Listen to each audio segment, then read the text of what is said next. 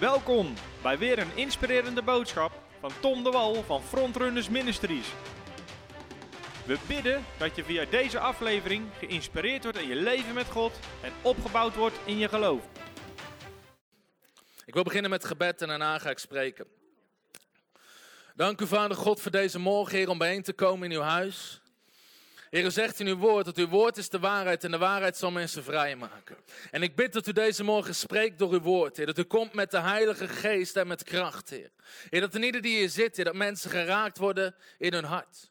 Heer, dat uw woord doet wat geen mens kan doen. Dat uw woord komt op een plek waar geen mens kan komen. Heer, ik bid vandaag dat door de kracht van uw gepredikte woord, Heer, dat mensen veranderd naar huis toe gaan in de naam van Jezus Christus. Amen. Als je het gelooft, geef God een applaus. Halleluja. Halleluja. Ik hou nu al van deze kerk. Een voorganger die zegt, weet je, we hebben niet echt een programma, dat soort dingen. We kijken gewoon waar God heen gaat. Dat is beter dan een kerk waar je komt, je krijgt 15 minuten. In de 15 minuten moet heel de trucendoos open. Er moet alles gebeuren. Weet je, dat, dit is niet zo'n kerk en daar hou ik van. Waarom? Ik geloof de geest van God. Hoe meer ruimte we hem geven in ons leven, hoe groter hij door ons heen kan werken. En de kerk is niet, is niet geroepen om hele mooie shows te maken of hele mooie kaders. Het is geroepen om impact te maken op de wereld. En dat kan alleen door de kracht van de Heilige Geest. Amen. En deze morgen wil ik spreken over een leven van overvloed. En zelfs het afbreken uh, van armoede in je leven.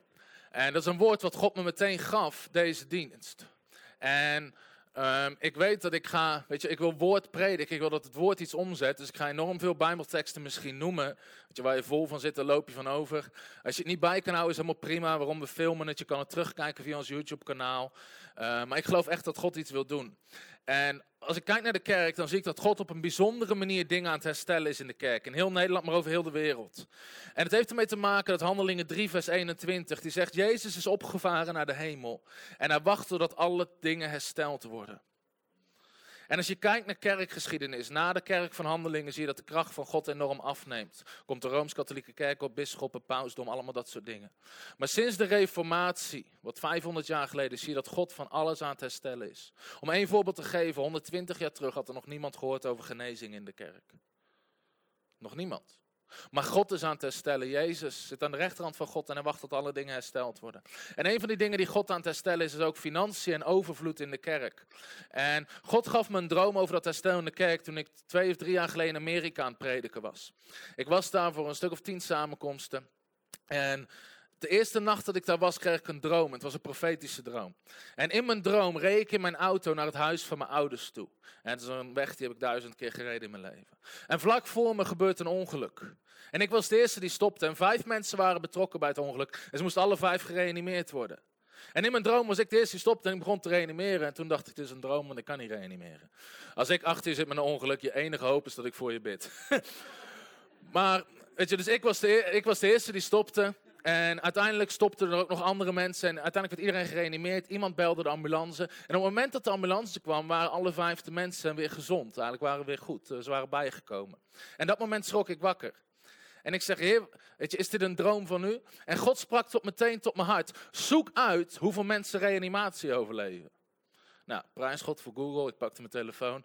Hoeveel mensen overleven reanimatie? Het eerste wat in mijn beeldscherm komt, 1 op de 5 overleeft de reanimatie in het echt. Als je gereanimeerd moet worden, de kans dat je overleeft is 1 op de 5. In mijn droom 5 van de 5.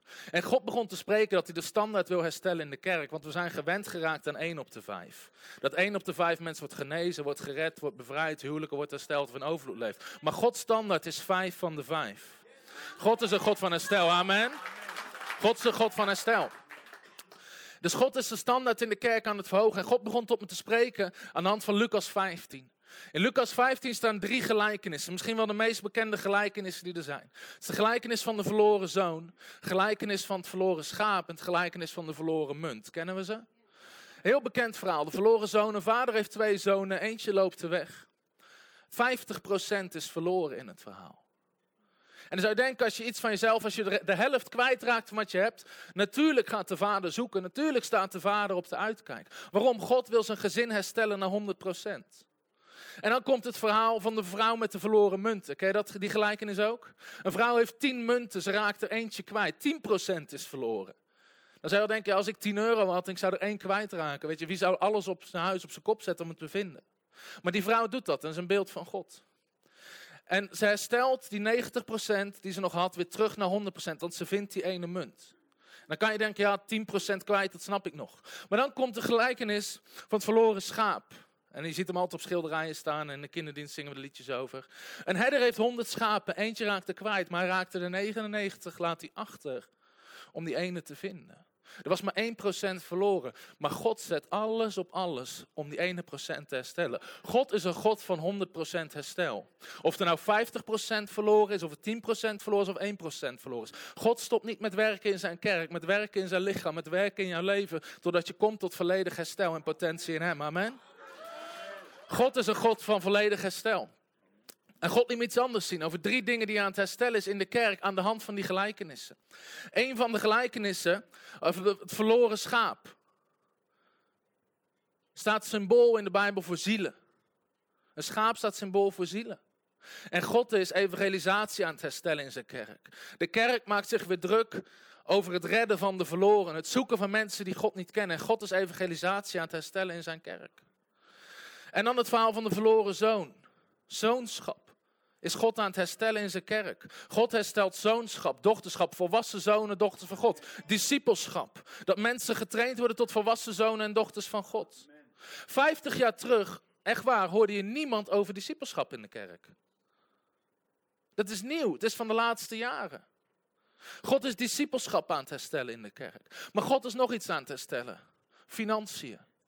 Een vrouw raakte de geld kwijt. Ze raakte de tiende kwijt. Ze raakte de munt kwijt. Ze raakte 10% kwijt. Maar God is financiën aan het herstellen in zijn kerk. God is een beeld van overvloed aan het herstellen in zijn kerk. Dat is wat God aan het doen is in deze tijd. En ik geloof dat dat belangrijk is, want iedereen kent de profetie uit Haggai dat de heerlijkheid van het toekomstige huis zal groter zijn dan die van het huidige huis. Amen. Dat, dat geloven we allemaal. Dat wordt geprofiteerd over de kerk in deze tijd. De heerlijkheid. Maar wat er in dezelfde regel staat. Van mij is het zilver en het goud, spreekt de Heer. En de heerlijkheid van het toekomstige huis zal groter zijn dan de heerlijkheid van het huidige huis.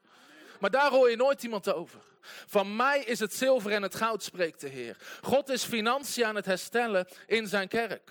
Waarom? God is een God van herstel. God is een God van totaal herstel. En op een of andere manier is er een gedachte in de kerk gekomen dat geld een lelijk ding is. En we moeten begrijpen, geld is een verschrikkelijke meester, maar een fantastische slaaf. Geld is een verschrikkelijke meester.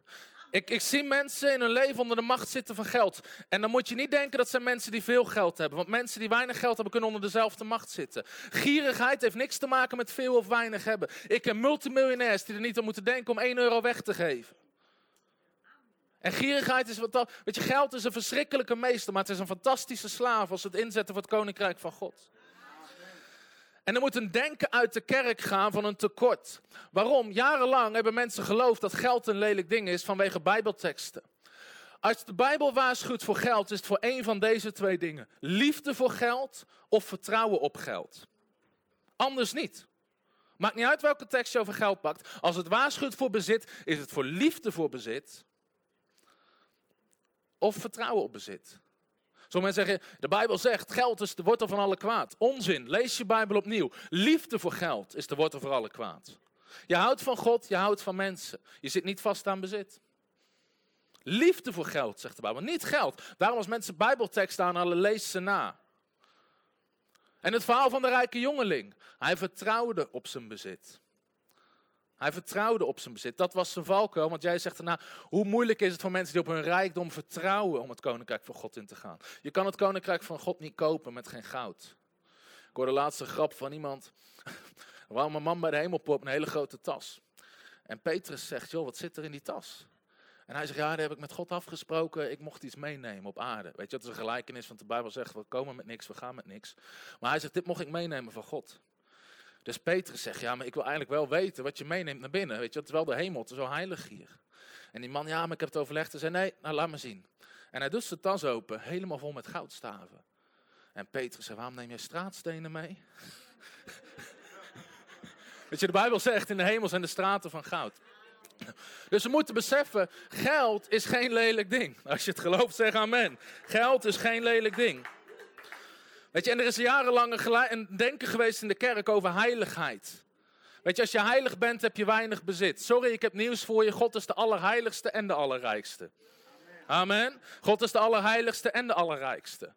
Er zijn zelfs denominaties waar je een armoedegelofte moet afleggen. Op het moment dat je het evangelie gaat prediken. Dat je zweert heel je leven arm te zijn. Het is van de duivel. Het is een leugen uit de hel. De Bijbel zegt in Psalm 23, de Heer is mijn herder, mij ontbreekt niets. Niet er staat, ik heb niets. Als God je herder is, ontbreekt het je aan niets. Amen. Dus het zijn leugens uit de hel om de kerk arm en zonder invloed te houden. Er is een tekst uit Prediker. Die zegt, al heeft een wijs man alle wijsheid om een situatie op te lossen. Als die arm is, is er niemand naar hem luistert. Er is niemand die naar hem luistert. Kijk naar dingen hoe gaan in landen. Het maakt niet uit hoe rechtvaardig je bent, hoeveel uur je bidt in tongentaal. Als je arm bent, heb je geen invloed in een land. Het zijn de mensen met geld die de meeste invloed uitoefenen. Maar het zilver en het goud is voor mij, zegt de Heer. En het vermogen van de heidevolken ligt opgestapeld voor de rechtvaardigen, zegt spreuken. En ik geloof dat God daarin een beeld aan het herstellen is in zijn kerk. En vanaf het begin, kijk naar de schepping. God schept de mens. Dit moet je maar eens nalezen. Genesis 2. God plaatst de hof in Eden. En dan zegt hij, hij plaatst hem in Eden. Kijk, daar is de rivier Pison. Genesis 2 vers 11. Waar het goud ligt en het goud van het land is goed. Als God niet wilde dat Adam en Eva goud hadden, waarom zei hij dan waar het lag?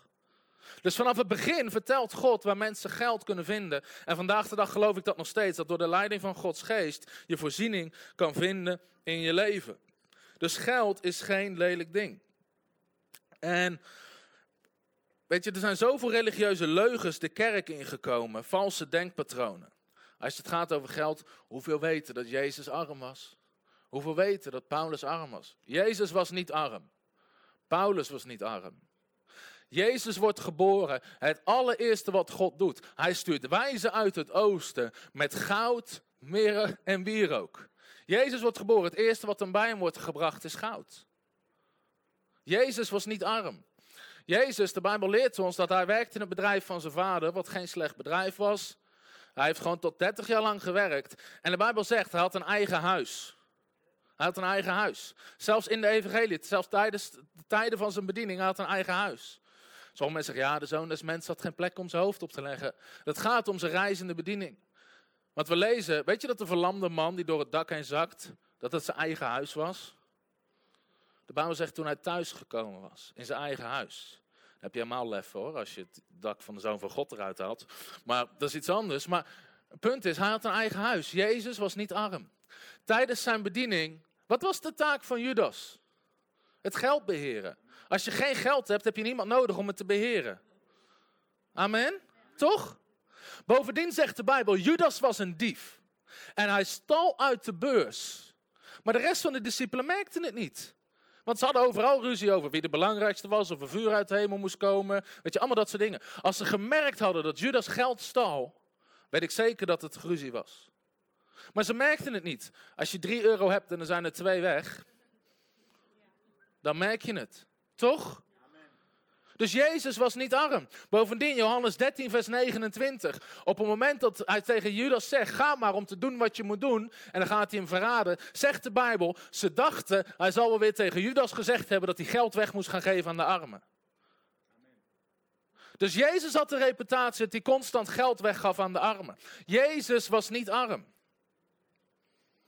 De Bijbel zegt aan het kruis dat ze zijn kleed durfden ze niet te verscheuren. Normaal verscheurden ze het onder de soldaten zodat iedereen een stuk kreeg. Maar Jezus zijn kleed, wat hij droeg, was zo duur. Het was uit één naad geweven dat ze het niet durfden te verscheuren.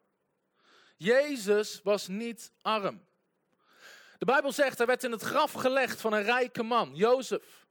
Kocht het duurste graf wat er was voor Jezus om hem neer te leggen. Jezus was niet arm en heb ik het alleen nog over de natuurlijke kant van zijn bediening. Op het moment dat ze niet de gelegenheid hebben om, geld te, om, brood te gaan kopen, vermenigvuldigt hij zoveel geld dat hij tien, of eten dat hij tienduizenden mensen voedt. Jezus had geen leven van tekort. Hij haalt geld uit een vis. Ik hou van vissen, maar dat is me nooit gelukt. ik blijf proberen. De Bijbel spreekt over harding, maar dat is me nog nooit gelukt. Maar Jezus, weet je, zelfs in het bovennatuurlijke, Jezus was niet arm. Hij voedde menigte, ze haalde geld uit een vis, dat was altijd genoeg. Sterker nog, weet je, wijn, ik drink zelf geen wijn, ik hou niet van wijn, maar het schijnt best wel duur te zijn. Als je goede wijn wil hebben. Jezus veranderde op een bruiloft vaten vol met de beste wijn die er was. En iedereen zegt, waarom heb je dit tot het laatst bewaard? Weet je, het was geen Lidl huismerk wijn die Jezus ergens vandaan haalde. Nee, de beste wijn die er was. Jezus, een leven van overvloed. En dan zegt de Bijbel dit in 2 Korinthe 8, vers 9. Jezus werd arm, opdat wij rijk zouden worden. Jezus werd arm, opdat wij rijk zouden worden. En alle theologen, het is soms probleem met theologen, ze liegen. Theoloog. Ik heb niks tegen theologie, ik heb zelf ook theologie gestudeerd. Maar het probleem is, ze zijn schizofreen. Ik las laatst een boek van een theoloog over geld. Zijn conclusie was, hij had heel de Bijbel bestudeerd. Ik weet niet welke Bijbel, niet die van mij. Hij had heel de Bijbel bestudeerd. Zijn conclusie was, Heer, als we genoeg hebben voor onszelf is het goed. En we moeten geven aan de armen. Je bent schizofreen. Als je precies genoeg hebt voor jezelf, hoe kan je dan geven aan de armen? Dat kan je conclusie niet zijn. Maar de Bijbel zegt in 2 Korinthe 8, vers 9: Jezus werd arm opdat wij rijk zouden worden. En alle theologen, maakt niet uit welke concordance je pakt, ja, dit is geestelijk. Heel het hoofdstuk gaat over geld, fysiek geld, over een offer wat Paulus ophaalt onder degene, onder, onder de Corinthiërs. Heel het hoofdstuk gaat over geld en het ene vers zou geestelijk zijn. Kom op man, dan wil je het niet geloven.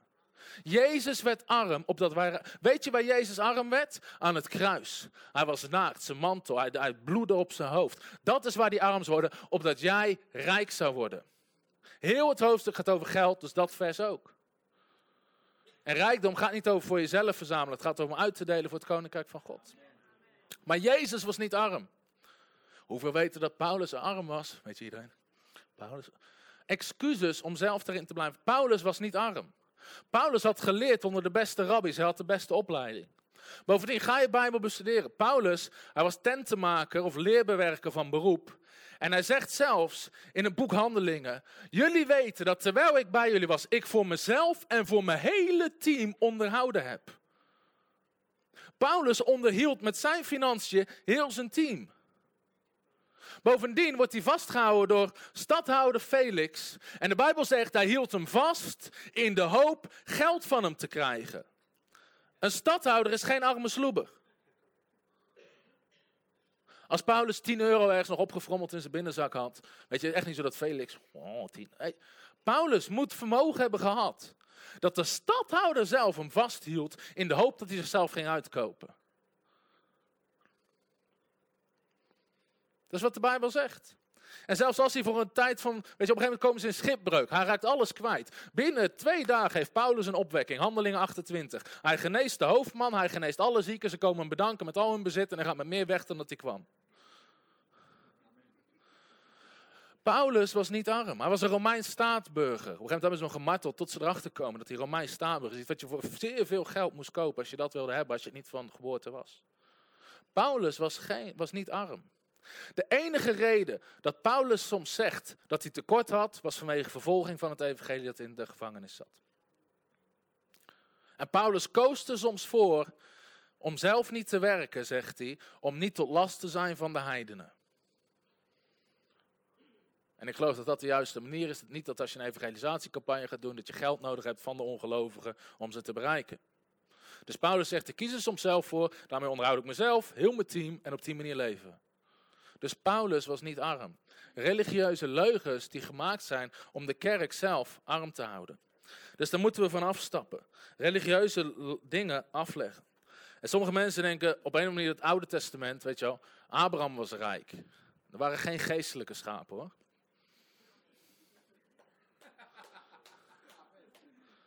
Maar sommige mensen denken dat God failliet is gegaan tussen Malachi en Matthäus.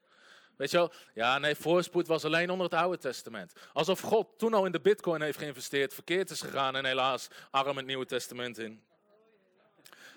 Weet je, ik zeg het op zo'n manier, maar er zijn mensen die geloven dat God failliet is gegaan tussen het Oude en het Nieuwe Testament. Hoeveel weten dat voorspoed alleen onder het Oude Testament was? Nee. Het eerste wat God doet als Jezus geboren wordt, mensen komen hem goud brengen. Bovendien zegt de Bijbel in Hebreeën 8. Het is een beter verbond met nog betere beloftes. Alles wat onder het Oude Testament goed is, heeft God vermenigvuldigd in het Nieuwe Testament. Het is een beter verbond met betere beloftes. Een beter verbond met betere beloftes. God is niet veranderd. Zegt, ik ben de Heer en ik verander niet. Ik ben de Heer en ik verander niet. Malachi 3. Dus God is niet veranderd. En dat is belangrijk om te beseffen. God is een God van overvloed. Een van de namen van God is El Shaddai. De God van meer dan genoeg. Niet de God van net genoeg. El Shaddai, zo openbaart hij zich aan Abraham. In Genesis hoofdstuk 20. Ik ben, de God, ik ben El Shaddai, God de Almachtige, de God van meer dan genoeg. Niet de God van net genoeg. God is een God van overvloed. God is een God van overvloed. Niet van net genoeg. De Heer is mijn herder, mij ontbreekt niks. Mijn beker loopt over. God, weet je, Adam en Eva hoefden niet door de hof te kruipen op zoek naar de laatste aardbei. Slurp uit een beetje modder. Nee, het was meer dan genoeg. Weet je, elke vrucht konden ze pakken die ze wilden. Dat was meer dan genoeg. Op het moment dat Petrus luistert naar Jezus, gooi je net uit. De Bijbel zegt, er zat zoveel vis in zijn net dat hij andere boten erbij moest halen. Weet je, ook denken, Jezus kan het niet. Weet je wel, gewoon één boot. Gewoon zo. Nee, zoveel. God is een God van meer dan genoeg. Zoveel vis dat andere boten erbij moesten komen. Jezus laat constant zien, hij is een God van meer dan genoeg. Zelfs bij de voedselvermenigvuldiging zitten 5000. Alleen de mannen met vrouwen, kinderen misschien 25.000. De Bijbel zegt ze hadden één keer 12 en één keer zeven manden over. Dat betekent dat Jezus nog 12 manden gewoon voor de overvloed heeft staan delen. Over. Amen. Hij is een God van meer dan genoeg. Waarom? Om een zegen te zijn. Om een zegen te zijn. God verschijnt aan Abraham, Genesis hoofdstuk 12. Hij zegt, ik zegen je om een zegen te zijn. Ik zegen je om een zegen te zijn. Een van de redenen dat heel veel mensen niet die overvloed ervaren, is omdat ze denken dat het voor zichzelf is. In het Engels zeggen ze, Lord, give me, give me, give me, my name is Jimmy and I'll take all you can get me. Sommige mensen bidden op die manier. Ik hoorde van een boer die bad, Lord, bless me and my wife, us four. Oh nee, my, my son and his wife, us four and no more. Nee, maar God wil dat je een zegen bent. Genesis 12. Hij zegent je om een zegen te zijn. Hij zegent je om een zegen te zijn. En hoe meer jij een zegen bent, hoe meer God je toevertrouwt. Daarom zeg ik dat overvloed wordt niet gemeten door hoeveel je hebt. Het wordt gemeten door hoeveel je weggeeft. Jezus, Jezus weet hoeveel je weggeeft. De Bijbel zegt, er stond te kijken bij de offerkist hoeveel mensen gaven. Als je voorganger dat vandaag de dag zou doen, de meesten zouden nooit meer terugkomen. Je rijdt een Audi. 3 euro. Jezus, kijk in de offerkist hoeveel mensen gaven. En dan komt een vrouw met twee muntjes. En Jezus zegt, ze heeft meer gegeven dan iedereen. Want ze heeft gegeven vanuit haar tekort en niet vanuit haar overvloed. Jezus weet hoeveel je geeft. Maar het is om een zegen te zijn. Overvloed wordt niet gemeten door hoeveel je hebt. Het wordt gemeten door hoeveel je weggeeft. Waarom de Bijbel zegt, van alles wat je geeft, je stapelt schatten op in de hemel. Je stapelt schatten op in de hemel. Alles wat je op aarde geeft, ten behoeve van Gods koninkrijk, is een eeuwige investering. Je hebt je kans om met je geld hier op aarde het koninkrijk te bouwen of je eigen koninkrijk te bouwen. Maar de Bijbel zegt in Timotheus, we komen met niks en we gaan met niks. Is het verkeerd om dingen voor jezelf te hebben? Helemaal niet. Helemaal niet. Maar zorg altijd dat het koninkrijk je eerste prioriteit is. Zorg altijd dat het koninkrijk je eerste prioriteit is. Sommige mensen hebben er geen probleem mee om 3000 euro aan een vakantie uit te geven, maar ze moeten er niet aan denken om 3000 euro in het koninkrijk van God te stoppen. Dan is er iets verkeerd met je prioriteiten. En ik weet dat ik direct ben. Ik ben er niet op uit om terug te komen, maar volgens mij vinden jullie voorgangers wel mooi. Weet je, ik probeer een mindset om te zetten. God, God zegent je om een zegen te zijn. God zegent je om een zegen te zijn. Jezus zegt, in het boek van Handelingen wordt hij aangehaald, het is zaliger om te geven dan om te krijgen. En als je echt een gever bent, dan, dan zie je dat. Ik weet een keer, ik was toen nog student, ik had, ik had, uh, ik had geen bijbaantje, ik was voltijd jeugdlijner. En al het geld dat ik had was ongeveer 350 euro, was alles wat ik had. En God sprak tot me, Tom, ik wil dat je 350 euro neemt en aan die persoon geeft in de kerk. En ik dacht, nee heer, niet die. Het was een hele aardige kerel, maar het was een rijke zakenman. Het was echt een rijke zakenman. Hij reed in een dikke Mercedes, had een bedrijf wat goed liep. Echt, hij verdiende echt veel geld. En ik zei, heer, waarom? Weet je, dit is alles wat ik heb. Voor hem is dit peanuts. Maar hoeveel weten dat God nooit zijn gedachten verandert als je met hem discussieert? Wat dat betreft, God heeft een vrouwelijke kant. Halleluja. Nee, grapje. Dat is een grapje. Dat is een grapje. Get back in the spirit, Tom. In ieder geval, weet je, God verandert zijn gedachten niet als je met hem discussieert. Dus dat bleef maar terugkomen. Ik zei, heer, oké, als dit is wat u van me vraagt. Ik ging naar de bank, ik pinde alles wat ik had, ik stopte het in een envelop. En ik, op zondagmorgen liep naar hem toe, ik zeg, joh, dit zegt God dat ik aan je moet geven. Hij pakt die envelop uit hand en hij maakt hem meteen open en begint te tellen. Weet je, niet, niet veel mensen doen dat. Als je geld geeft, als je geld geeft aan een prediker, doen ze, dankjewel broeder. In de auto doen ze hem meteen open en gaan ze tellen, maar niet recht voor je neus. In ieder geval, recht voor mijn neus. En tranen komen in zijn ogen. Hij zegt, vorige week ben ik een stichting begonnen om gevangenen te helpen. Maar ik wilde zeker weten of het van God is. Hij zei, heer, als dit van u is, laat er dan iemand naar me toe komen met 350 euro.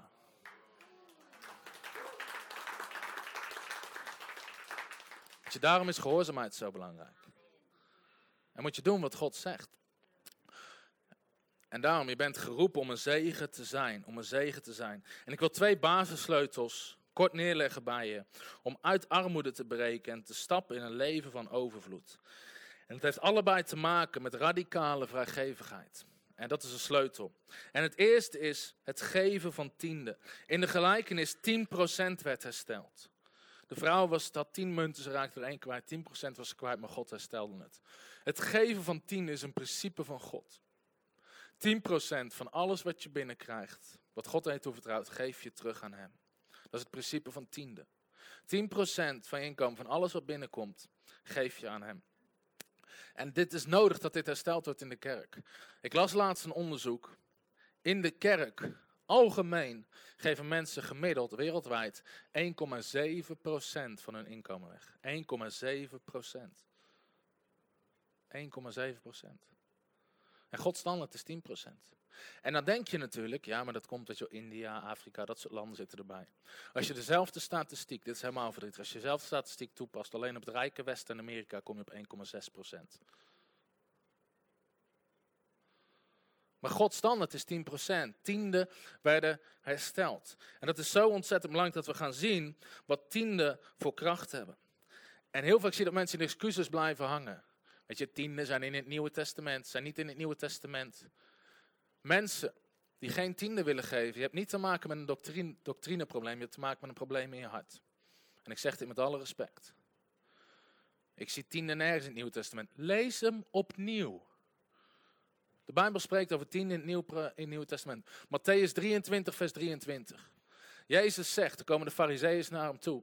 Jezus zegt, jullie geven tiende van alles wat je hebt, maar je laat de gerechtigheid na. Wees rechtvaardig en geef tiende, zegt Jezus vervolgens. Jezus zelf. Matthäus 23, vers 23. Bovendien in Hebreeën hoofdstuk 7. Daar spreekt de Bijbel. Nu, op dit moment, zegt Hebreeën hoofdstuk 7, Nieuwe Testament, geven we tiende aan sterfelijke mensen. Maar in de hemel ontvangt Jezus Christus het. Bovendien, als je het boek Hebreeën gaat bestuderen, van alles uit het Oude Testament wat Hebreeën aanhaalt, de offers, de, de, de, de priesterdienst onder Mozes, uh, de tabernakel, van alles staat er. Het is afgedaan, het is afgedaan, het is afgedaan. Hebreeën hoofdstuk 7, over tiende, geen woord erover dat het afgedaan is. Sterker nog, hier geven mensen tiende aan sterfelijke mensen. Maar het is Jezus Christus in de hemel die het ontvangt. En hij haalt een beeld aan van Abraham in Genesis hoofdstuk 14. Die tiende gaf aan Melchizedek. En Melchizedek is een beeld van Jezus. De Bijbel zegt, hij had geen vader, hij had geen moeder. Hij was de koning van gerechtigheid en de koning van de vrede. Er is maar één iemand die de koning van gerechtigheid is, de koning van de vrede. En dat is Jezus Christus. Het is een beeld van Jezus Christus. Tiende is in het Nieuwe Testament. Dus als mensen zeggen, weet je, ik geloof niet dat het in het Nieuwe Testament staat. Ze hebben geen doctrineprobleem, je hebt een probleem in je hart. Bovendien ligt de standaard onder de genade in het Nieuwe Testament hoger dan de standaard onder de wet. Jezus onderwijst in Matthäus hoofdstuk 4, 5, 6 over de wet. Hij zegt, joh, de wet zegt, je mag niet kijken naar een andere, uh, je mag geen overspel plegen. Maar ik zeg u, wie kijkt met zijn ogen heeft overspel gepleegd. En zo zegt hij dat keer op keer. Het Oude Testament zegt, je mag niet doden. Maar ik zeg u, als je kwaad kijkt, heb je al iemand... Jezus legt de standaard onder genade, hoger dan standaard onder de wet. Weet je, 10% is het minimum, want het is een beter verbond met betere beloften. Bovendien, als mensen zeggen, weet je wel, Nieuwe Testament. Ik heb andere teksten voor je uit het Nieuwe Testament. Verkoop alles wat je hebt en leg het geld aan de voeten van de apostelen. Nee, nee, nee. Oké, nog een andere tekst. Een vrouw die een heel jaar salaris gaf aan Jezus. Nee, nee. Probleem in je hart, geen doctrineprobleem. Ik kan door blijven gaan. 2 Korinthe 8, hoewel ze zeer weinig hadden, een zeer groot offer gaven aan God. Paulus die zegt, zet iedere week, aan het begin van de week, apart om te geven aan het koninkrijk van God. Daarom zeg ik, geen doctrineprobleem, een probleem in je hart. Het eerste wat je moet beseffen voor tien is, alles is van God. De adem in je longen is van God. Je handen om te werken is van God. Alles is van God. Als ze naar Jezus toekomen, om hem te beproeven met een munt. Zegt Jezus, wat staat erop? De keizer. Geef aan de keizer wat van de keizer is. Geef aan God wat van God is. Dus er is een deel wat van God is. Want je moet beseffen, alles is van God. Als God zijn handen van je leven aftrekt. Weet je, alles is van God. Dus Nieuwe Testament nog steeds. Weet je, tiende is geen wet, het is een principe van God. Je ziet het door heel de Bijbel. Genesis, het allereerste Bijbelboek, zie je tiende. Sowieso Abraham, Jacob, al zijn kinderen gaven tiende. Maar de Hof van Ede zie je tiende. Alles mag je aanzitten, maar die boom een, mag je niet aanzitten. Het is een tiende, het is apart gezet voor God. De Bijbel noemt tiende ook eersteling. Het eerste wat je krijgt is apart gezet voor God. Weet je, door heel de Bijbel heen ze gaan het beloofde land innemen. God zegt, iedere stad die overwint mag je bezit. Maar Jericho blijf je af. Alle bezit van Jericho is voor mij. Jericho was een tiende voor God. Tiende door heel de Bijbel heen. De Bijbel noemt tiende ook eerstelingen. En het zegt, als je tiende, als je eerstelingen brengt, dus ook met vee, als je het eerste weggeeft, het beste weggeeft, wordt de rest geheiligd, wordt de rest gezegend. Jezus zelf was een tiende van God. Het was zijn enig, zijn eerstgeboren zoon. God zette hem apart, gaf hem weg aan de wereld, Johannes 3, vers 16. En iedereen daarna die in hem gelooft, wordt geheiligd door hem. Jezus zelf is een tiende van God die hij apart zet om de rest te heiligen. Principe van tiende is zo ontzettend belangrijk. En ik wil een tekst lezen, een hele bekende tekst, maar het is soms goed om opnieuw te bekijken. Malachi 3, vanaf vers 8 tot en met 12. Malachi 3, vers 8 tot en met 12, mag je opzoeken.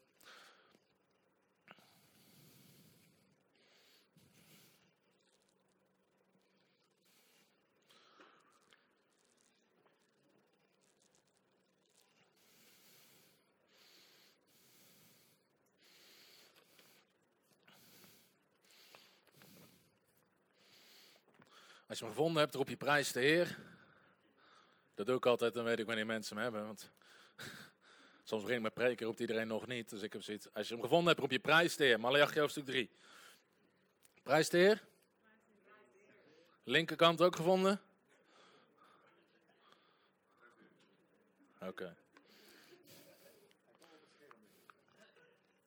Malachi 3 vers 8.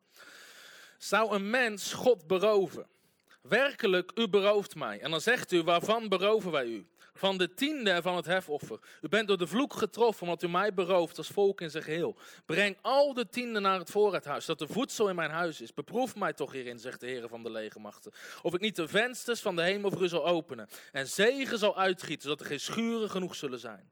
Ik zal ter wille van u de kaalvreten bestraffen, zodat de vrucht van de aardbodem niet te gronden richt. En de wijnstok op het veld niet zonder vrucht zal blijven, zegt de Heer. En alle heidevolken zullen zien zullen u gelukkig prijzen, want het zal een aangenaam land zijn, zegt de Heer.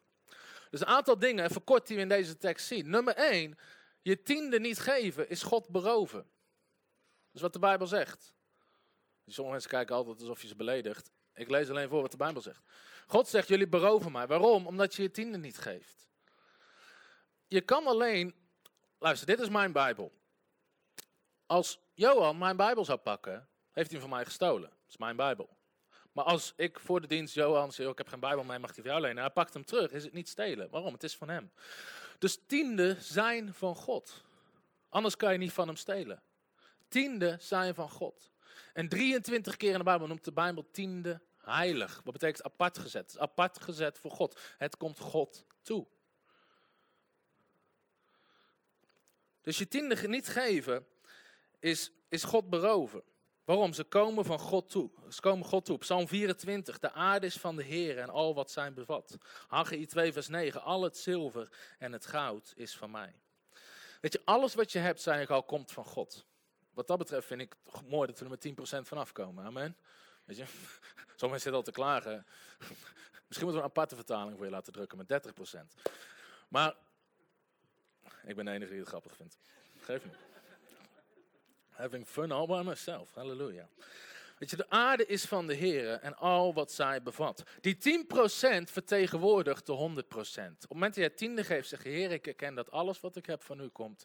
En om dat te erkennen, geef ik dit terug aan u. Die 10% vertegenwoordigt de 100%. Het vertegenwoordigt het grotere geheel. Daarna zegt de Bijbel, jullie zijn door een vloek getroffen. En dat klinkt heel zwaar, maar eigenlijk moeten begrijpen, de Bijbel leert ons dat op het moment dat de mens zondigde, kwam de vloek over de wereld. En dan zegt de Bijbel, je, moet, je zal nou zwoegen om je geld te verdienen. Tiende geven neemt die vloek terug. Want de Bijbel zegt in Spreuken 10 vers 22, de zegen van de Heer maakt rijk en voegt er geen zwoegen aan toe. En op het moment dat jij je tiende geeft, weet je, het is helemaal niet moeilijk. Ik kan meer doen met 90% onder de zegen van God dan 100% in mijn eigen kracht. Ik kan meer doen met 90% onder de zegen van God dan 100% in mijn eigen kracht. En dat is de zegen van God die in jouw voordeel gaat werken. En dan zegt God, beproef mij toch hierin, of ik niet de sluizen van de hemel zal voor je zal openen. Tiende, eigenlijk zegt God, test mij hierin uit. En dit, dit, is, dit is, eigenlijk God zegt in het Oude Testament, je mag, mag me niet testen. Je mag de Heer je God niet beproeven. Alleen over tiende zegt God dat je hem mag testen. Beproef mij toch hierin. Test mij hier maar in uit, of ik niet de vensters uit de hemel zal openen. En dit is het mooie, tien in de Bijbel staat altijd zijn profeetisch getal voor testen. Hoe vaak werd het loon van Jacob veranderd door Laban? Tien keer. God testte zijn hart. Hoeveel plagen kwamen er over Egypte? Tien. Het was een test. Hoeveel dagen liet Daniel zich testen of zijn dieet beter was dan die van de heidenen? Tien. Daniel hoofdstuk 1. Matthäus hoofdstuk 25. De tien dwaze en wijze maagden die getest werden of ze klaar waren voor de wederkomst. Tien in de Bijbel is altijd een getal van testen. God zit niet achter je geld en hij zit achter je hart aan. God zit niet achter je geld en hij zit achter je hart. En hij test of dat jij erkent dat alles van hem komt. En dat hij Heer is van alles. Dus 10 is een test. Openbaringen 2 vers 10 spreekt over de gelovigen die tien dagen getest werden en getrouw moest blijven. Dus 10 staat voor testen. God kijkt of dat je begrijpt dat alles van hem komt. En daarom, Matthäus 6 vers 33 zegt, zoek eerst het koninkrijk van God en al het andere wordt je erbij gegeven. En bij mij, vroeger in de kerk, werd alleen het eerste gedeelte gepreekt. Zoek eerst de koninkrijk van God, maar nooit dat al het andere erbij gegeven wordt. Maar dat hoort erbij. Tiende in de Bijbel wordt ook wel eerstelingen genoemd. Spreuken 3 vers 9, we kennen hem waarschijnlijk allemaal. Vereer de Heer met je bezit, met de eerstelingen van heel je opbrengst. En hij zal je pestkuipen, zal die over laten lopen. Eerstelingen. Wanneer geef je tiende als eerste? Daarom is het een test. Vertrouw je God voor de rest. Dan ging hij, nee, ik moet eerst een nieuwe wasmachine. Uh, eerst moeten kinderen nieuwe kleren. We gaan meestal ook wel twee keer in de maand naar de McDonald's. Weet je wel. Eerst, eerst, eerst, eerst. Dan geef je geen eerstelingen, dan geef je laatstelingen. Dan eer je niet God. Je eert God niet met wat je hebt gekregen. Je geeft hem een fooi aan het einde van de maand van wat er over is. Dit moeten we begrijpen. Dat tiende is een kwestie van eer. Je moet Malachi maar eens gaan lezen. Het eerste, God, in het eerste hoofdstuk zegt God, waar is mijn eer? Jullie onteren mij, ik ben een koning groot in ere. En dan zegt het volk, Malachi is heel mooi, het is een gesprek tussen God en het volk. En dan zegt het volk, waar, waar onteren wij u? En God zegt, omdat je een blind schaap voor het offer brengt. En je denkt dat is wel goed. Of je geeft een manke koe. Weet je wel, je zegt dat is wel goed. In andere woorden, je geeft niet het beste wat je hebt. Je geeft wat je kan missen, wat jou niet goed uitkomt. Of wat, wat je toch over hebt. En God zegt, je onteert mij. Weet je, ik zal je zeggen, je kan God er niet van afbrengen met een fooi. Je eert God. Spreuken 3 vers 9. Eer de Heer met je bezit. Eer God met je bezit. Daarom als er een offer wordt opgehaald. Of je kan geven. Is het niet de bedoeling dat je in je portemonnee kijkt of je nog wat kleingeld hebt. Weet je, alsof de collectebus langskomt thuis. Als je geen zin hebt om open te doen. Wie kent dat? De rest niet. Jullie zitten te wachten of zo tot ze weer komen. De Nierstichting, de Hartstichting, de Oogstichting. Goudvissen met griep, weet ik veel waar ze allemaal voor komen. Weet je, maar een offer geven aan God is iets anders. Dus tiende is een test van eer. En dan zegt God, als je dat doet, test mij maar in. Ik ga de zegen uitgieten en er zullen geen schuren genoeg zijn. Het enige probleem wat God zegt hij hebben, is zal geen schuren genoeg hebben om de zegen aan te kunnen. Als je door de test heen komt. Sommige mensen zeggen, maar ja, maar ik kan hem niet veroorloven om tienden te geven. Ik kan hem niet veroorloven om ze niet te geven. Waarom? Ik heb de zegen van God nodig. Harder dan wat in mijn eigen kracht zit. En ik kan erover meepraten. Toen wij onze bediening begonnen, Femcat Bijbelschool gedaan in Engeland. Ik was klaar met mijn HBO-studie. Ik wilde de zakenwereld in gaan. God zei, nee, start een eigen bediening. We hadden geen geld, we hadden geen backup, we hadden geen inkomen. Iedere maand moesten we in geloof staan. Ook al kwam er te weinig binnen, we gaven tien. Ook kwam er precies genoeg binnen, we gaven tiende, altijd. Ik kon hem ook niet voorloven. Maar ik kan hem niet voorloven om de zegen van God te missen. Ik kan hem niet veroorloven om ze niet te geven. Ik heb zijn zegen harder nodig dan wat in mijn eigen hand is. En dat is belangrijk. Bovendien zegt God, ik zal de kaalvreten bestraffen. Sommige mensen, we hadden het in, laatst sprak ik met een zakenman. Had veel geld en wilde geen, had moeite met tiende. Die zegt, joh, laat me raden, je betaalt je tiende toch wel. Waarom? De kaalvreten zit op je leven. Altijd ellende met personeel, rechtszaken, ziektekosten, allemaal dat soort dingen. Maar God zegt, als je mij eert, ik zal de kaalvreten voor je bestraffen. Dingen die je kaalvreet, die aan je trekken, God bestraft dat ding. En het wordt van je leven afgebroken. En je zet jezelf onder de zegen van God. Dat is wat de kracht van tiende is. Dat is de kracht van tiende. Amen. Amen. Dus waaraan, soms vragen mensen, waaraan geef je tiende? Jezus zegt, of de Bijbel zegt, Hebreeën 7, je geeft je tiende aan Jezus. In het Oude Testament breng het naar de voorraadschuren. In de voorraadschuur was een plek in de tempel waar het bezit werd gelegd, dat iedereen gaf, zodat de levieten onderhouden worden. Ik geloof met heel mijn hart dat tiende bedoeld zijn, zodat mensen voltijd zich in kunnen zetten voor het koninkrijk van God. Bediening is geen part-time hobby, het is een fulltime job. En Nehemia, boek Nehemia spreekt erover dat de levieten weggevlucht waren omdat niemand zijn tiende wilde betalen. De kerk van Nederland is bijna hetzelfde. Kerken met 600 man die anderhalf persoon in dienst hebben. Weet je, hoort 30 mensen in dienst te kunnen hebben. Je geeft het aan Jezus. Jezus is het hoofd van zijn gemeente en hij is het hoofd van de bedieningen. Apostelen, evangelisten, leraars, herders, profeten, Efeze 5. Geef het aan mensen die voltijd het koninkrijk van God dienen. Steek het in je kerk, zodat je je voorgangers vrijzet om het koninkrijk van God te bouwen. Daarvoor zijn de tienden bedoeld. Het is het bouwen van het koninkrijk van God. En tiende breekt, laat me dit zeggen. Tiende breekt die geest van armoede van je leven af. Als je leest, als je Joden bestudeert, het Joodse volk, 0,2% van de wereldbevolking is Joods. 0,2%. Maar of ze nou seculiere Joden zijn en niet actief met God, ze eren de principes van God. Ze geven tienden, ze bouwen community, ze hebben relatie, maar ze zijn bijna allemaal tiendengevers. Zelfs Joden die niet actief in God geloven, want ze zeggen het zet een vrijgevigheid en een zegen over je leven vrij. 0,2% van de wereldbevolking is Joods. 85% van de succesvolle bedrijven in Duitsland is in handen van de Joden. In Duitsland, waar ze met zijn hele macht hebben geprobeerd uit te moorden. Ze eren de principes van God en ze staan op. 0,2%. In Amerika, de Forbes 400. Wie heeft wel eens gehoord van de Forbes 400? Het is de lijst met de 400 rijkste mensen uit Amerika. Omgerekend zouden er 4 tot 6 Joods moeten zijn in die lijst. Als je kijkt naar hoeveel Joden er wonen in Amerika, een percentage gewoon. Weet je hoeveel de Joods zijn van de 400? 100. 100. Waarom? Ze eren de principes van God. Ze eren de principes van God. En God zegent het. Dat is de kracht van tiende. Het breekt armoede van je leven af. We moeten begrijpen, de kerk is geen hobbyclub, het is geen amateurclub. Soms vragen voorgangers aan mij, hoe kan het dat jij in drie jaar meer doet dan wij 25 jaar met onze kerk. Heel simpel. Ik zit voltijd, mijn vrouw zit voltijd, we hebben nog iemand anders voltijd. Ik ben bezig om nog iemand voltijd aan te nemen. Als ik in mijn eentje 50 uur gestructureerd ergens aan werk, doe ik meer dan 25 vrijwilligers die twee uur in de week moeten vrijmaken. Waarom? Ze moeten overleggen, allemaal dat soort dingen. Weet je, je moet wachten op toestemming. Wij kunnen met gewoon met personeelsleden 50 uur in de week ergens aan werken. En je zet in drie jaar op waar anderen 30 jaar over doen. Bediening is geen parttime hobby, het is geen hobbyclub. Het is het bouwen van de kerk van Jezus Christus. Amen. Eindelijk een kerk die hier nog gewoon amen op zit. Er is nog niemand weggelopen vanmorgen. Zullen we God daar eens een applaus voor geven? Halleluja. Ik hou nu al van deze kerk. Het tweede is het geven van offers. Tiende is het begin, het geven van offers. En de Bijbel noemt dat zaaien en oogsten. En Paulus onderwijst er heel veel over in zijn brief. Een van de bekendste teksten is 2 Korinthe 9 vers 6. Ik zeg dit, wie karig zaait, zal karig oogsten. Dus wie weinig zaait, zal weinig oogsten. Maar wie zegenrijk zaait, zal zegenrijk oogsten.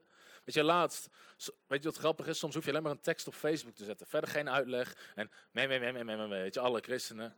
Weet je, als je deze tekst op Facebook laatst iemand. Sommige christenen beweren dat dit betekent dat als je geld weggeeft, dat je terugkrijgt. Wat betekent het anders? Heel het hoofdstuk gaat over geld. Nogmaals, je hebt geen doctrineprobleem, je hebt een probleem in je hart.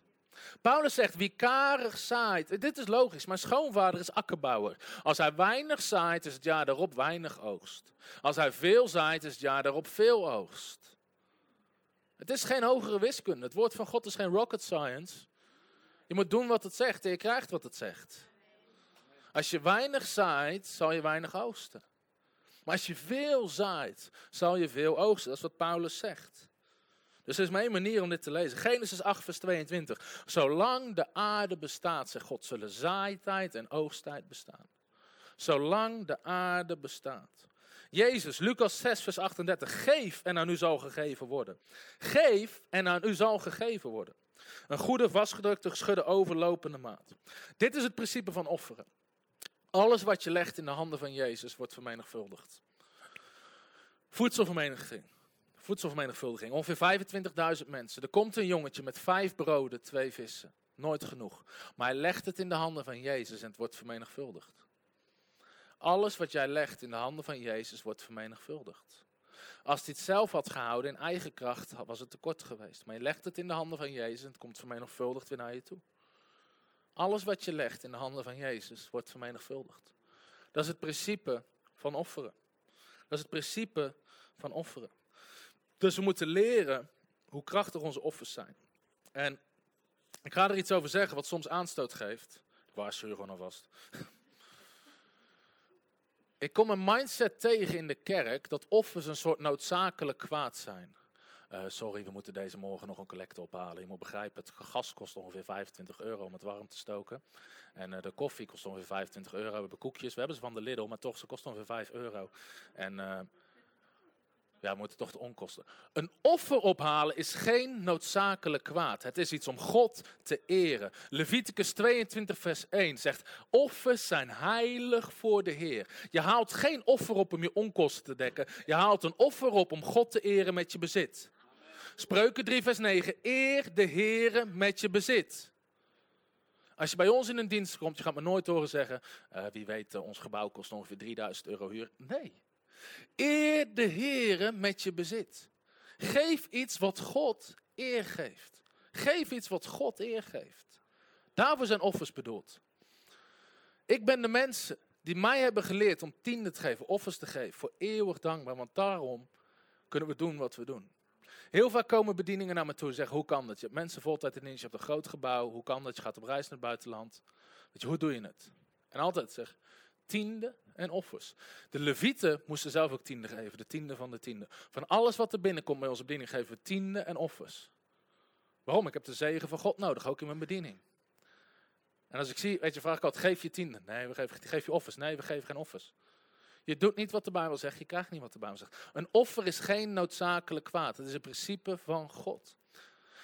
Als je geen offers ophaalt, steel je de zegen van mensen. Er komt een vrouw die geeft een heel jaar salaris aan olie aan Jezus. Je zegt, nee, nee, is niet nodig hoor. Weet je, over twee weken hang ik toch aan het kruis. Weet je wel, er is... Uh... Waarom? Het zette de zegen van God vrij. De eerste keer dat ik in Afrika kwam ze gingen een offer voor me ophalen. Weet je, ik voelde me een soort van schuldig, want ze halen me een kerk van 800 mensen, 80 euro op of zo. En denkt van, 80 euro, laten we eerlijk zijn, onze maatschappij, dat, dat, dat is niet zoveel. En voor hun, met heel de kerk halen ze dat op. Maar God liet me zien, als je het niet ontvangt, ontneem je hun de zegen. Zij zaaien. En als je het zaaigoed niet aanneemt, gaat het nooit vermenigvuldigd naar ze terugkomen. Dus geen offers ophalen is de zegen stelen van mensen. Je helpt mensen in de zegen van God. Door de gelegenheid geven om offers te geven. Daarom ben ik, weet je, met onze bediening, daarom doen we heel weinig met sprekersvergoeding. Als mensen vragen, wat is je sprekersvergoeding? We hebben geen sprekersvergoeding, we halen een offer op. Je kan geven naarmate je gezegend bent. Er komt nergens in de Bijbel een sprekersvergoeding voor. Ze haalden offers op voor bedieningen. Waarom? Je kan zegenen naarmate God jou gezegend heeft. Je kan zegenen naarmate God jou gezegend heeft. Dus een offer is geen noodzakelijk kwaad om de onkosten te dekken. Het is geen noodzakelijk kwaad. Alles wat je in de handen legt van Jezus wordt vermenigvuldigd. Paulus zegt in Filippenzen hoofdstuk 4, ik ben op zoek naar de vrucht die op jouw rekening toeneemt. Ik sta hier niet te prediken. Ik predik sowieso niet over geld, zodat mensen ons meer geld geven. Ik ben op zoek naar de vrucht die op jouw rekening toeneemt. Dat je schat bouwt in de hemel, dat je leert zaaien en zodat je gaat wandelen in de overvloed van God. Je stelt jezelf afhankelijk van de zegen van God. En Jonathan kan het weten. Ik kwam laatst bij een bedrijf met hem. Volgens, om koninkrijkscultuur te bouwen, advies te geven. hoeveel wil je hebben? Niks. Geef wat je op je hart hebt. Weet je, we zitten niet achter mensen geld aan. We zitten achter hun hart aan en we helpen om het koninkrijk van God te bouwen. Geef wat je op je hart hebt. Dat is de kracht van offers. Dat is een kracht van offers. Een offer is geen noodzakelijk kwaad. Dit moet je begrijpen. Radicale vrijgevigheid breekt een geest van armoede over je leven. 1 Koningen 17 vertelt het verhaal van een weduwe. Alles wat ze over had was een klein beetje meel en een klein beetje olie. De profeet komt, zegt geef me te eten. Als je dat vandaag de dag zou doen, morgen staat er een artikel over hier in de krant. Prediker vraagt het laatste beetje geld van een arme oude vrouw. Elia, man van God, zegt geef me te eten. Ze zegt, dit is alles wat ik heb. Hij zegt, maakt niet uit, geef me te eten. Oké, weet je. Ze doet het. Een offer, een groot offer. En met één offer brak ze alle armoede en tekort van de leven af. De Bijbel zegt het meel in de pot raakt niet op. De olie in de pot raakt niet op. Voor de rest van haar dagen. Met één offer brak ze een geest van tekort en armoede van de leven af. Eén offer kan armoede en tekort van je leven afbreken. Wie weet dat Salomo de rijkste koning was die ooit geleefd had. Wordt altijd verteld, ook op zondagschool. Wie gaat zijn hand niet opsteken, wat ik ook vraag deze ochtend?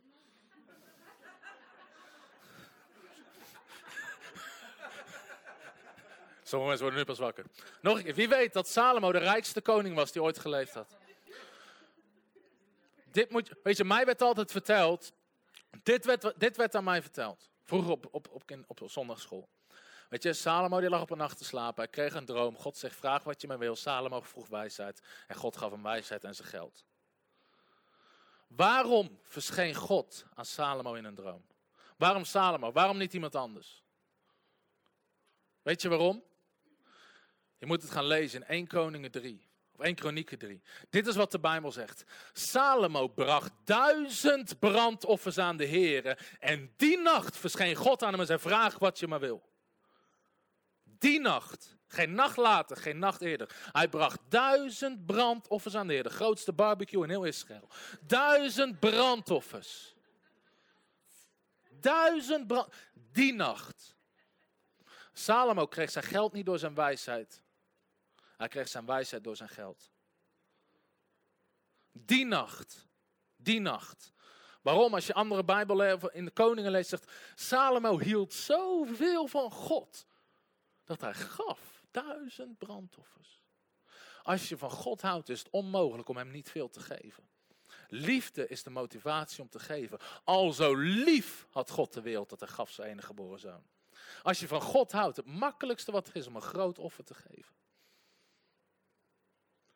Toen ik voor mijn vrouw een verlovingsring ging kopen, Het was al het geld wat ik had. Het was het makkelijkste wat ik ooit heb uitgegeven. Waarom? Ik hou van haar. Als je vindt, dat is makkelijk. Maar Salomo, door één offer brak hij doorheen. Hij had overvloed voor de rest van zijn leven.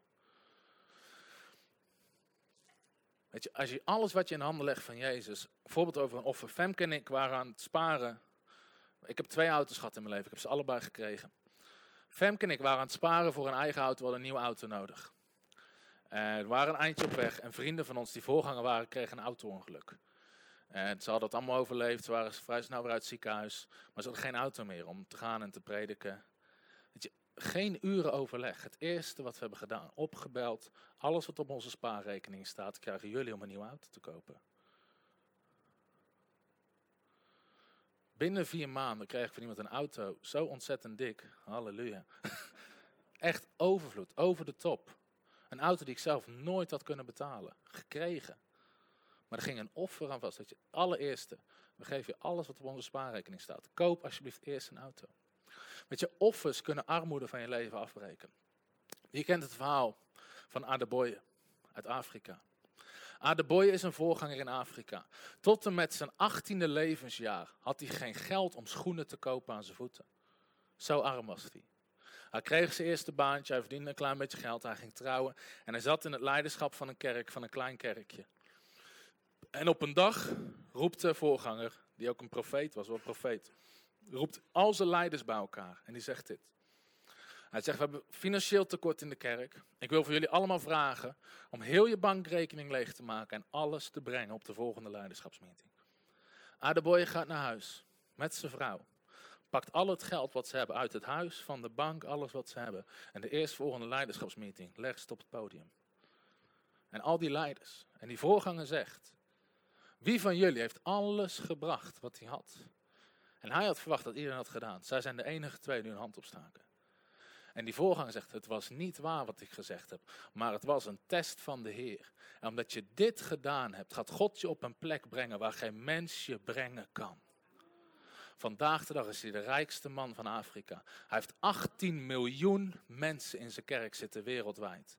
Hij bouwt kerkgebouwen van honderdduizenden mensen. Niet alleen in Afrika, in Amerika, elk land. Nederland zitten zijn kerken. En hij betaalt ze allemaal cash.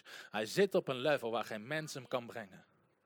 Met één offer brak hij armoede van zijn leven. Omdat je dit hebt gedaan, ga ik je op een plek brengen waar geen mens je kan brengen. Daarom ga je bij onze bediening. We hebben nooit iemand opgebeld. Uh, we hebben geld nodig. Nooit. Waarom niet? Ik wil niet zijn waar mensen me kunnen brengen. Ik wil zijn waar God me kan brengen. Als God me er niet kan brengen, hoef ik er niet te komen. We gingen afgelopen jaar van, we hadden twee kleine kantoortjes. God begon te spreken over een groot gebouw. Kostte 40 keer zoveel in de maand. En we hadden minstens een halve ton aan opstartkosten. We hadden meer geld nodig in zes weken dan in anderhalf jaar daarvoor totaal was binnengekomen. Weet je hoeveel mensen ik heb opgebeld? Nul. Weet je hoeveel berichten we hebben gezet op Facebook? We hebben alleen gezegd, dit is wat we gaan doen als je wil zaaien, zaaien. Ik sprak op een groep, ongeveer zo groot. We haalden een offer op. 35.000 euro in het offer. 35.000 euro. Was één iemand, schreef 25.000 euro op een machtigingskaart. Geen manipulatie. Ik heb alleen gezegd, vraag aan God wat je moet geven. 25.000 euro. God zegt, als je geeft, het enige probleem wat je hebt is de schuur om het op te slaan. Het enige probleem wat ik had was om dat offer te innen, want de bank zegt, uh, sorry, dit soort bedragen kunnen we niet innen. Ik zeg, maar iemand heeft gegeven, nee, maar dit kunnen we niet, weet je het, het enige probleem wat je zal hebben, zijn de schuur om het op te slaan. Uiteindelijk belde diegene op, ik zei, joh, we mogen niet innen. Maakt niet uit, komt eraan, maakt het over. Eén offer met een kleine groep, daarom hou je nooit op mensen. Ik ga je nog één verhaal vertellen. Wie geniet hiervan? Wie is er aan het genieten? Oké, goed zo. Ik hou van deze kerk, echt waar. En jullie hebben het hier donker gemaakt, zodat je ook niet kan zien of het buiten al donker is. Is dat de filosofie, Johan? Halleluja. Het is al acht uur. Ik moest van de week spreken op een bijbelschool en de stroom lag eruit, dus de bel ging niet meer. Dus ik ging gewoon aan één stuk door. En dan begint al die studenten, gaat u nog een keer stoppen? Echt. Gelukkig, de stroom ging erop en de bel ging. Ik kan altijd door. Toen ik jeugdleider was. Ik was jeugdleider. Weet je, dit moet je begrijpen. Dit is niet voor bekende predikers. Dit verhaal wat ik nu ga vertellen, niemand kende me, niemand had ooit van me gehoord. Ik was jeugdleider. En ik moest stoppen met mijn bijbaantje, omdat ik was zo tijd met de jeugd en ik was aan het studeren. En ik zat in een dienst en er was een profeet van God en die wijst me aan. Hij zegt, je hebt wel een rijbewijs, maar geen auto. God gaat je een auto geven. En ik had een auto nodig, want ik werd steeds meer uitgenodigd om te spreken. Maar ik moest altijd een auto lenen van iemand. Hij zegt, je wel een rijbewijs, maar geen auto. God gaat je een auto geven. Weet je hoeveel mensen ik opgebeld heb? No. Geen thuis om te bidden. Ik zeg, heer, weet je, eh, eh, dit is wat u zegt. Ik geloof u. En na twee dagen bidden belde Femke me. Dat was toen nog niet mijn vrouw. Ze zegt, dit is wat ze zei. Ze zei, ik was aan het bidden en God liet me zien dat je aan het bidden bent voor een auto. God zegt dat ik je duizend euro moet geven, het moet een rode auto worden. Ik dacht, wauw, dan moet ik me trouwen. Halleluja. Had toen al nog geen relatie. Dus ze gaf me duizend euro. Ik wist nu, ik heb duizend euro en een rode auto. Maar ja, voor duizend euro moet je niet alleen in geloof staan voor een auto, maar ook voor een auto van duizend euro moet je iedere keer in geloof staan dat je weer aan gaat komen. Dus ik wist dat, dit is hem niet. Maar ik had duizend euro. Principe van tiende.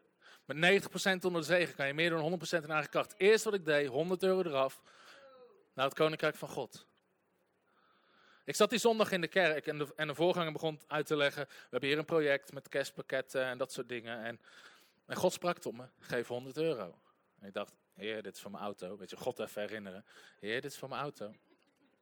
God zegt, geef 100 euro. Oké, 100 euro, alsjeblieft. Die week daarna kreeg ik een mail van een evangelist die een campagne ging doen in Afrika. Ik lees die mail, God zegt, geef 300 euro. Ik zeg, heer, als we zo doorgaan, wordt het een driewieler. Weet je Alsjeblieft. Maar dit is het principe. Alles wat je in de handen van Jezus legt, wordt vermenigvuldigd. Ik had 500 euro weggegeven. Twee weken later komt er iemand naar me toe. Luister, ik was geen bekende prediker, niemand kende me. Hij zegt, God zegt dat ik een auto voor je moet kopen. Hier heb je 5000 euro. Halleluja. En we konden een auto kopen. Principe van tiende en zaaien. Alles wat je in de handen legt van Jezus wordt vermenigvuldigd. Daarom zeg ik, offeren is iets, wat, is iets heiligs wat je doet voor God. Er staat een heel interessant verhaal, moet je thuis maar eens nalezen in 2 Samuel 24. Amen. Halleluja. 2 Samuel 24. David die moet een, een, akker kopen van iemand om een offer te brengen naar God. En dan zegt diegene, ik hoef er niks voor te hebben. Hier heb je die akker. Als David een Nederlander was, het zegt halleluja, weet je wel, zegen van God. David zegt, ik weiger het om aan de Heere God offers te geven die mij niks kosten. Hij gaf hem zelfs hij zegt, ik weiger om God een offer te geven wat mij niks kost. Ik koop die akker voor de volle prijs en ik gebruik mijn eigen runderen. Weet je, een offer kost je iets. Heel veel mensen geven altijd vanuit hun gemak. En ik zat een keer terug in de auto en ik was geïnspireerd bij iemand waar ik was geweest over hoe dit kan. Ik zei, heer, ik moet financieel naar een hoger level toe. God zei, is goed, bel die op en zeg dat je zijn project afbetaalt. Bel die op en geef zoveel voor dat project, bel die op. En... Als ik naar een hoger level wil, moest ik ook naar een hoger level geven. Het is zo gemakkelijk om altijd te geven vanuit gemak. Weet je, het offer opgehaald, 10 euro, 20 euro. Dat je, David zegt, ik weiger om de Heer mijn God een offer te geven wat mij niks kost. Sommigen zeggen, ja, maar ik merk de zegen van God niet. Wat is het laatste offer wat je echt gemerkt hebt?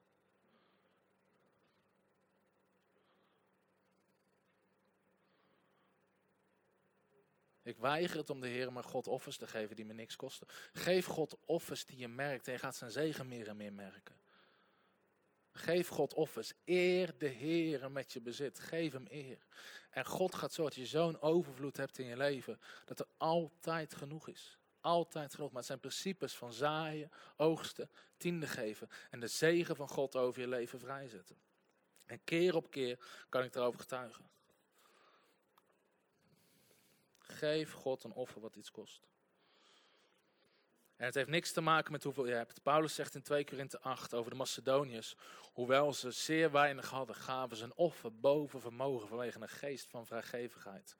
Weet je, een offer is voor iedereen anders. Voor de een is 50 euro een groot offer. Voor de ander is 500, maar sommige mensen is 5000 euro nog geen groot offer. Weet je, wat is een offer wat je iets kost?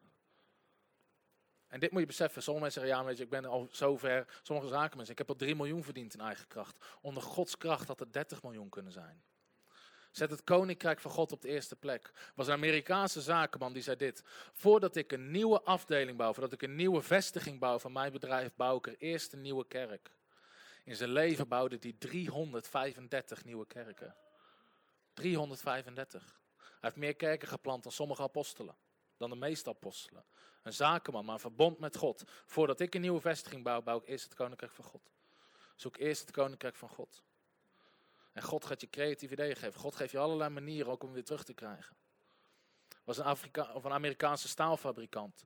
Zei, heer, ik begin met tiende, maar als u me zegent, geef ik meer. Hij eindigde om 90% van zijn vermogen en winst weg te geven. Hij leefde van 10% en was nog steeds multimiljonair. Was een andere zakenman die vrachtwagens en allerlei machines bouwde. Hij zei, heer, ik zet u op de eerste plek. Hij gaf tiende en hij gaf offers. In de nacht gaf God hem dromen voor de volgende machine, voor shovels. En hij komt op zijn bedrijf, alle tekenaars aan tafel zitten. Hij zegt, stop maar, God heeft me dit laten zien. Geen verstand van techniek, alleen het idee. Hij tekent het uit, iedereen zegt, briljant. Ze maken het, ze verdienen tonnen, miljoenen. Als jij God op de eerste plek zet, zet God jou op de eerste plek. Als jij het koninkrijk van God zoekt, geeft God je al het andere erbij. Dan zet je de zegen van God vrij. Weet je, kan op allerlei manieren gebeuren. Een simpel voorbeeld wat iedereen kan overkomen. Ik had nieuwe kleren nodig. Ik liep met mijn vrouw langs een winkel, wat normaal een hele dure winkel is. Die hadden een soort sale of outlet vestiging, een aparte. En uh, we waren er helemaal niet om te winkelen. Ik liep er toevallig langs. En ik zag dat de deur open stond van die outlet. Dus ik dacht, nou, ik ga kijken. Ik loop naar binnen. En de man achter de kassa zegt, sorry, we zijn nog niet open. Ze gaan maar vier dagen per jaar open. En dan verkopen ze alles van dat jaar wat over is. Hij zegt, sorry, we zijn nog niet open, je moet morgen terugkomen, dan komt iedereen. En dan staat er letterlijk een rij voor de deur, al een uur van tevoren. Hij kijkt me aan en zegt, maar jij mag vandaag als eerste winkelen. Terwijl niemand naar binnen mocht. We hadden de tijd, we konden kiezen wat we willen. Uiteindelijk voor nog geen 20% van de oorspronkelijke prijs konden we alles kopen wat we wouden. Kan iedereen overkomen. Zegen van God, gunst van God. Je zet de zegen. Dingen, Matthäus 6, dingen waar de heidenen naar verlangen zullen mensen in je schoot werpen. Je kan soms een kleding kopen waar van duizenden euro's waar je nog een paar tientjes voor betaald hebt. Met de zegen en de gunst van God. Daarom kan je meer doen met 90% onder de zegen dan 10% onder de zegen. Of onder, met 90% onder de zegen dan 100% in je eigen kracht. Amen. Hallo, Tom de Wol hier en bedankt dat je weer geluisterd hebt naar onze podcast. Ik bid dat het je geloof gebouwd heeft en je bemoedigd bent. Als je niet alleen een luisteraar van onze boodschap wil zijn, maar ook een verspreider daarvan, wil ik je uitnodigen om partner te worden van Frontrunners. Door jouw maandelijkse donatie help je ons om dit evangelie van Jezus Christus en het woord van God over heel de aarde te brengen. Om partner te worden, ga naar www.frontrunnersministries.nl slash partners en word partner. Hartelijk bedankt en tot snel. Heb je ook zo genoten van deze inspirerende boodschap van Tom de Wal? Abonneer je dan op deze podcast. Volg ons op Facebook en op Instagram en kijk op onze website frontrunnersministries.nl.